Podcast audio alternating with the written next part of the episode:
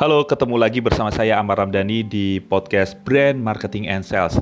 Kali ini masih ngomongin tentang pemasaran di media sosial dan tema yang akan saya sampaikan adalah bagaimana caranya kita bisa sukses lewat influencer di media sosial. Pertanyaannya adalah, apa itu social media influencer? Bagaimana mereka bisa membantu bisnismu dan bagaimana cara bekerja sama dengan dengan mereka gitu ya. Contoh ini ada perusahaan bisnis baru bernama Cool Manset yang menjual manset kancing yang bisa dipakai untuk jas pria. Sebenarnya bisnis Cool Manset ini lumayan sukses, sudah ada uh, beberapa pelanggan setia tapi masih sedikit. Sekarang mereka ingin pelanggannya semakin banyak. Target utama pelanggan Cool Manset ini itu adalah pria yang suka pergi ke acara formal dan berumur 30-an.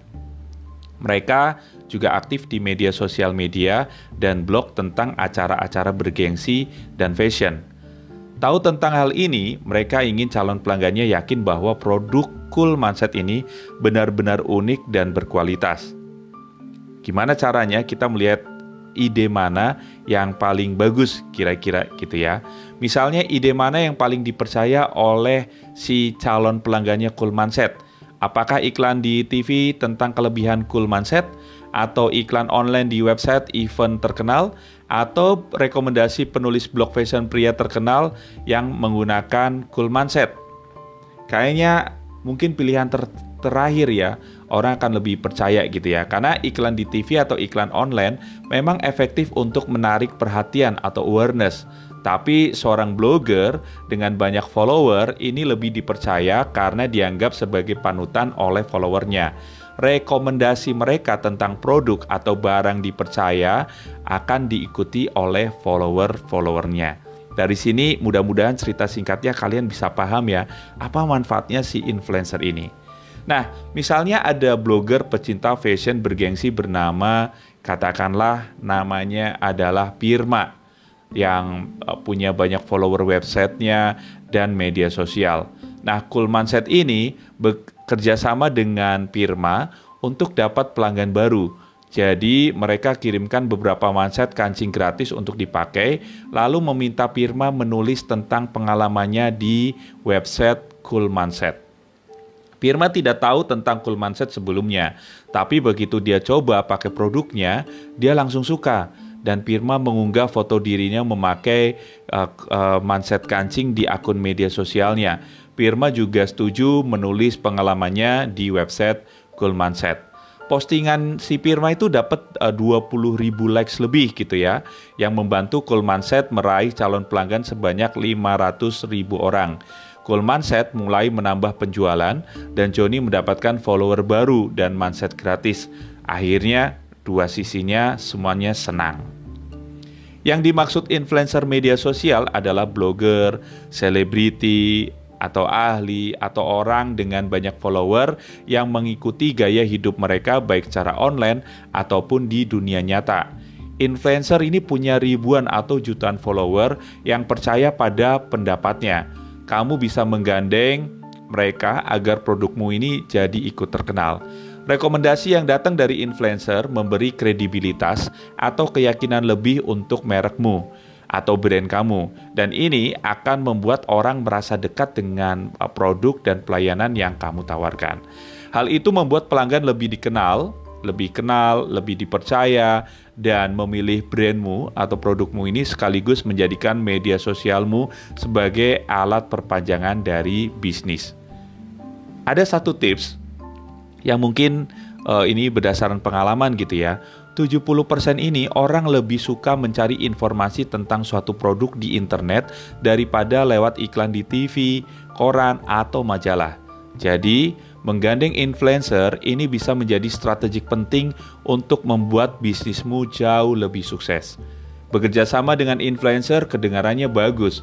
Sekarang bagaimana menentukan influencer yang tepat buat bisnismu? Pertama, cari tahu dulu soal bisnismu di mata pengguna media sosial. Lihat kategori di mana bisnismu beroperasi, apakah makanan, teknologi, tas, sepatu, desain, dan lain-lain. Dan cari tahu juga media sosial apa yang paling sering dipakai calon pelangganmu. Cari tahu siapa influencer yang dikenal atau diikuti oleh calon pelangganmu. Pilih beberapa nama yang sesuai dengan produk dan skala bisnismu. Kalau bisnismu sudah besar, minta bantuan ahli atau agensi digital untuk mencari influencer yang cocok untukmu. Tapi kalau bisnisnya masih kecil, baiknya gunakan website seperti Cloud untuk mencari influencer lokal yang sesuai.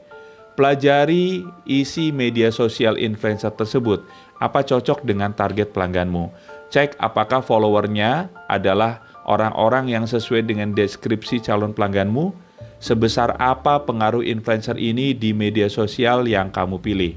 Pertimbangkan apakah isi e, media sosial influencer tersebut sesuai dengan merekmu, seperti apa tipe postingannya mereka, berapa banyak yang membacanya, pernahkah kamu berinteraksi dengannya, apa mereka sudah pernah mencoba dan menyebutkan produk atau brandmu.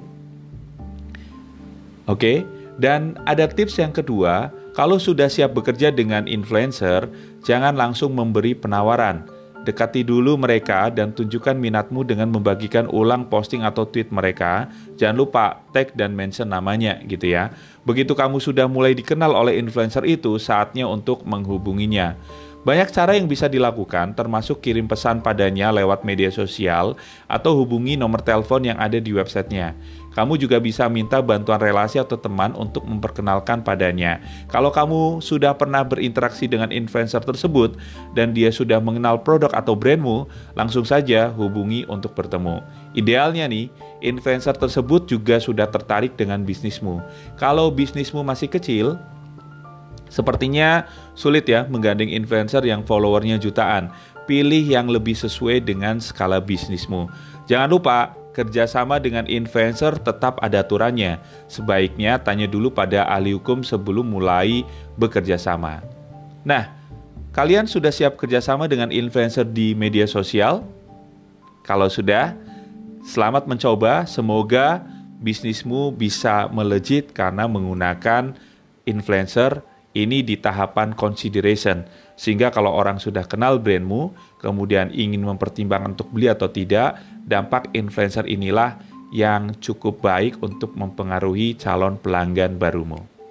Selamat mencoba, semoga bermanfaat. Salam Amar Max.